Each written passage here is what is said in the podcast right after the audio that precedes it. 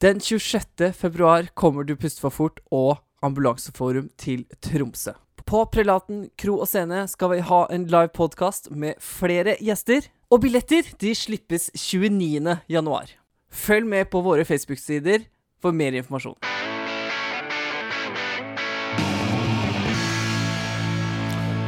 Sånn at eh, hvert i hvert fall, Halvor Stav heter jeg, jobber i luftambulanseavdelingen her ved OUS. Eh, takk til Jon som eh, viste oss eh, en video som var ganske sjokkerende. Jeg har med to som jeg skal ikke vise dere på nytt, for dere skal slippe å se litt av det samme. Men det som han viste oss, var silent drowning. Og det er veldig viktig for oss som jobber prehospitalt òg, å vite at eh, silent drowning er vanligere enn de som kaver i vannet. Og vi er veldig avhengig av den informasjonen vi får når vi kommer til et skadested. Og den informasjonen er som regel sånn at barnet var maks borte i to minutter. Jeg er sikker på at jeg så ham for et halvt minutt siden. Og så møter vi et livløst barn som enten har hjertestans eller er i ferd med å gå hjertestans. Og da vet vi ut fra de videoene og ut fra akkurat uh, den genesen som skjer når en drukner, at det tar tid før en drukner. Og 40-180 sekunder er, er rimelig.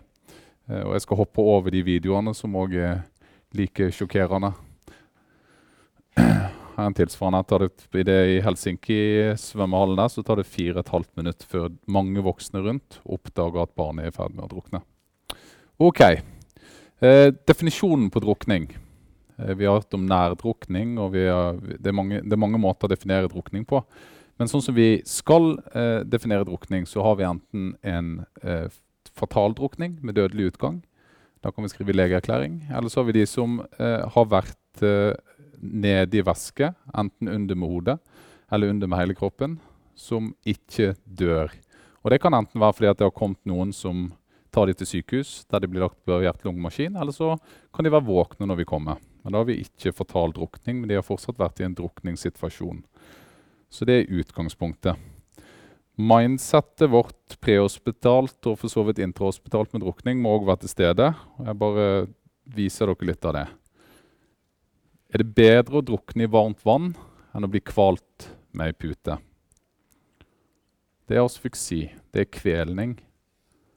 Uansett om det er i vann, eller om det er en kvelning av andre årsaker. Har vi både prehospitalt og intrahospitalt et reflektert nok forhold til hva som er hypoterm hjertestans? For det som gjør at drukning er interessant, og det som gjør at thoraxkirurgene er sammen med oss her i dag, er jo nettopp fordi at drukning kan Da kan vi ha en pasient som er i en situasjon der vi har cerebral nevroproteksjon, og der vi skal gjøre litt annerledes enn vi gjør med vanlige kvalninger og vanlige hjertestanser. Og hvordan forholder vi oss til kroppstemperatur, luftlomme og vanntemperatur?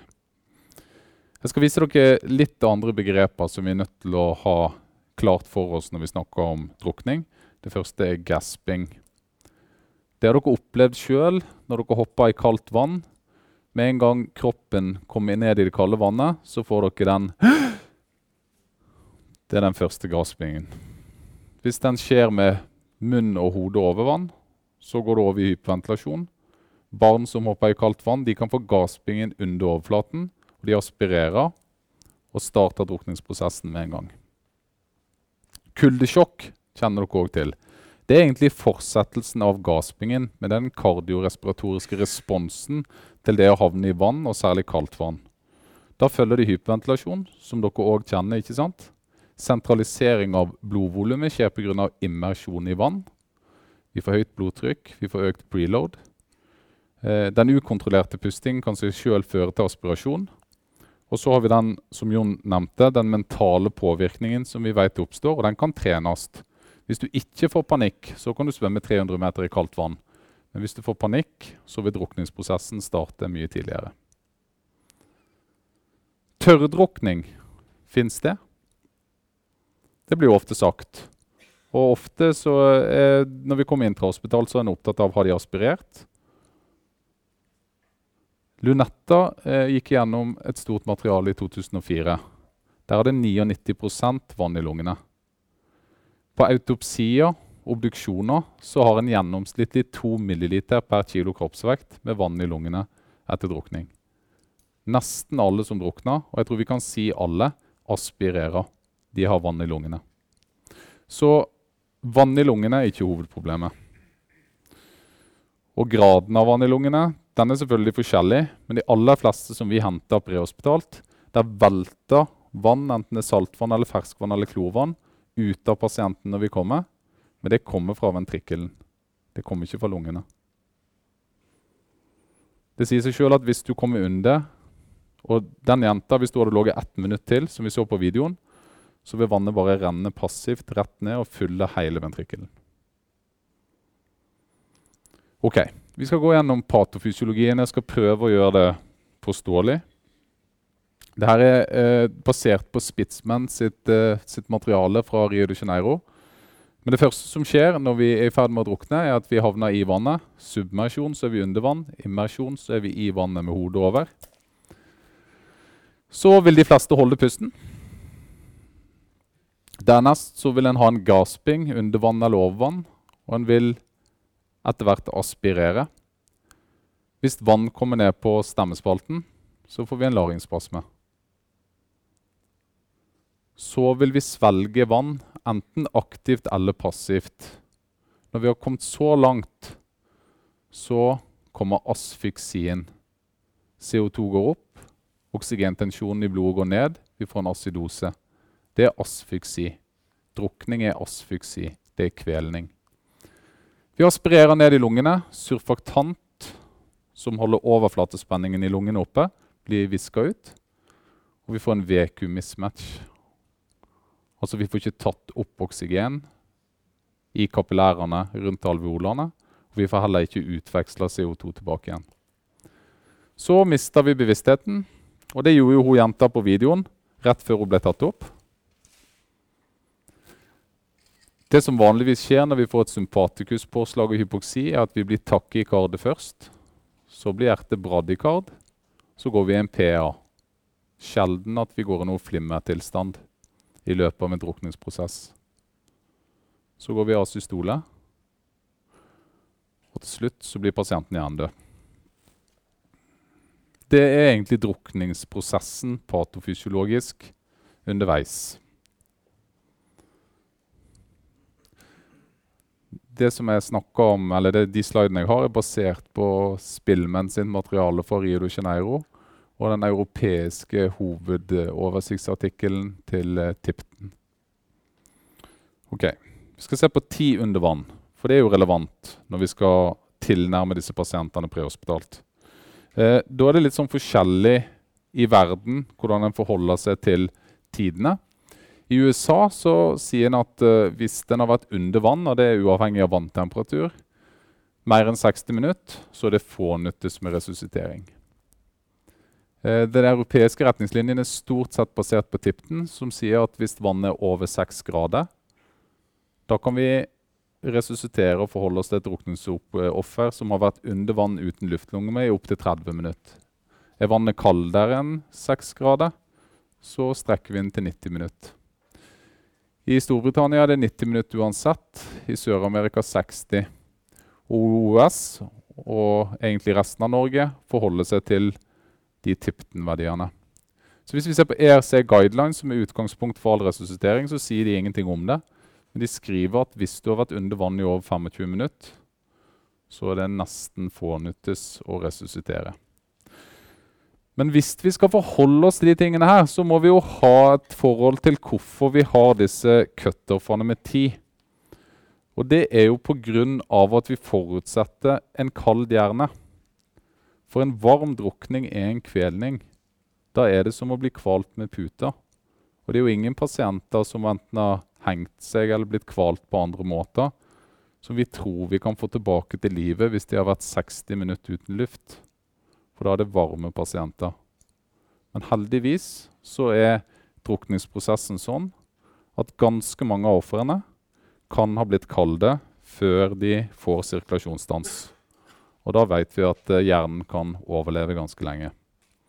Og jeg tror vi får noen gode kasuistikker på det seinere i dag. Ok, Prehospital ABC. Da begynner vi jo på A, da. Og jeg forutsetter at pasienten er pusta sjøl. Vi har en sirkulert pasient som har vært under vann, vært utsatt for drukning, har eh, ulik grad av bevissthetstap. Alle skal ha oksygen. Alle skal ha pip Alle pasienter som har vært i en drukning der de har fått vann i lungene, de utvikler et sekundært lungeødem i løpet av de første 24 timene. For å motvirke det så må vi gi dem pip. For de som ikke vet hva pip er, så er det positiv endeekspiratorisk trykk som vi kan påføre med en CPAP-maske eller en pipventil på en maskebag. Vi kommer til masse pasienter som er våkne etter at de har vært i vannet i ulik grad av tid. Skal vi ta igjen den, eller?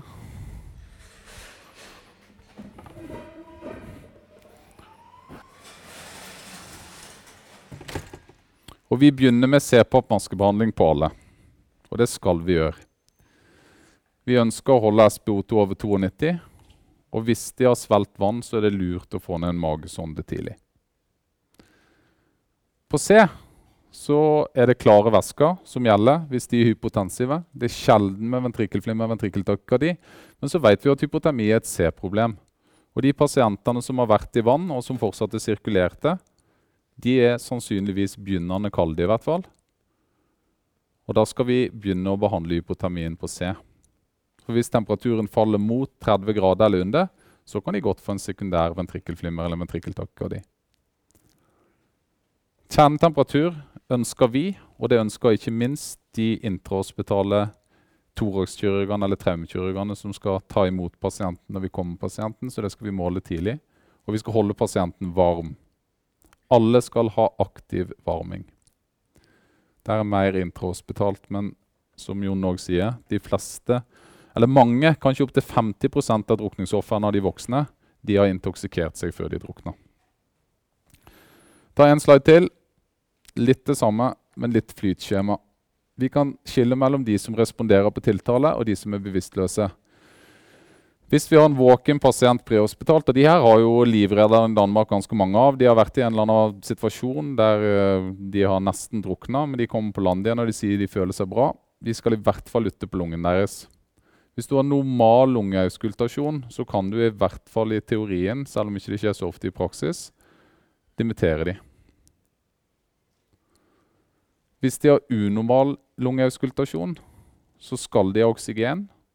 De skal ha pip og de skal innlegges for observasjon. Den første gruppa her, sånn som det fungerer stort sett hvis ambulanse eller luftambulanse kommer ut, er jo at de blir tatt med til en observasjon. da. Hvis de er bevisstløse, så begynner vi med innblåsninga. Hvis de har sirkulasjon da, så intuberer vi de. Så legger vi på pip, og så tar vi dem til en intensivavdeling.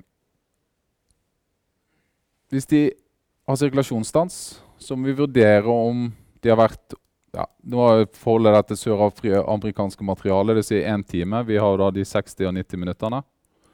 Eh, og eh, har de dødelig skade, så kan vi erklære de døde. Har de vært under en time eller under 30 minutter i kaldt vann, nei, varmt vann, eller under 90 minutter i kaldt vann, så skal vi resuscitere dem med AHLR inn til sykehus. Og da må vi til et senter der de kan tilby ekstra korporal oppvarming. Hjerte-lungemaskin eller ECMO. Så det som er ekstra viktig å huske på, er disse pasientene her de bør i utgangspunktet ikke leveres til et regionsykehus. De skal leveres til, nei, et sentralsykehus. De skal leveres til et regionsykehus med mulighet for hjerte-lungemaskin eller ECMO-krets. Disse er helt åpenbare. De skal tas inn, og så skal vi sammen med traumekirurgene eller toårskirurgene vurdere om de skal legge oss på. Ok. Hypotermi og nevroproteksjon. Selektiv hjernenedkjøling. Altså De åpenbare pasientene er jo de pasientene som har vært i kaldt vann, kjempa for livet, blitt kalde, fått sirkulasjonsstans og blir tatt opp. Men det er ikke sånn at hvis pasienten går under vann ganske kjapt, at det er umulig å redde pasienten. For hjernen blir veldig fort kald i kaldt vann. For vi aspirerer det ned i lungene. Vi fyller ventrikkelen, og vi får en selektiv nedkjøling av hjertet og karotider og redusert hjernekjernetemperatur hvis vannet er kaldt. Da blir metabolismen redusert, hjerneødem blir det mindre av, og redusert glutamatfrigjøring sier bare at eh, hjernen bruker mindre energi når den blir kald. Og det gjelder særlig barn. Barn kjøles ekstra raskt. Og da er det også sånn at Når vi tar en kjernetemperatur rektalt, som vi helst ikke skal gjøre, eller i sofagus, som vi skal gjøre, så kan temperaturen der være kanskje 28 grader. Men hjernen kan allerede være nærme 20.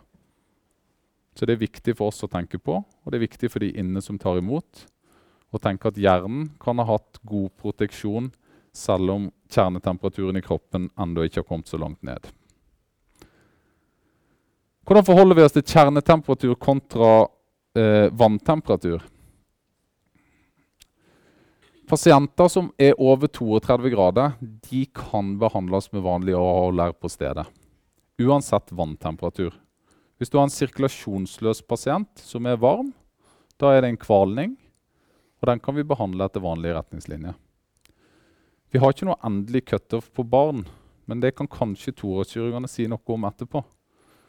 Fordi at når vi kommer til Rikshospitalet med barn som er varmere enn det, så hender det at de blir lagt på likevel. Det kan, ha, det kan være mange årsaker til at vi skal gjøre det. Um, og så er det òg sånn at uh, noen av disse pasientene de ender som donorer. Som gjør at en skal kanskje ha enda lavere terskel for å legge de på. Men sannsynligheten for å overleve hvis du er i asystole og er over 32 grader, er veldig lav. Ok, en konklusjon. Drukningsdød er en asfyktisk kvelningsdød. Drukningsoffer med mulig hypoterm nervoproteksjon bøs, bør tas til et ECMO-senter, eller skal tas til et ECMO-senter.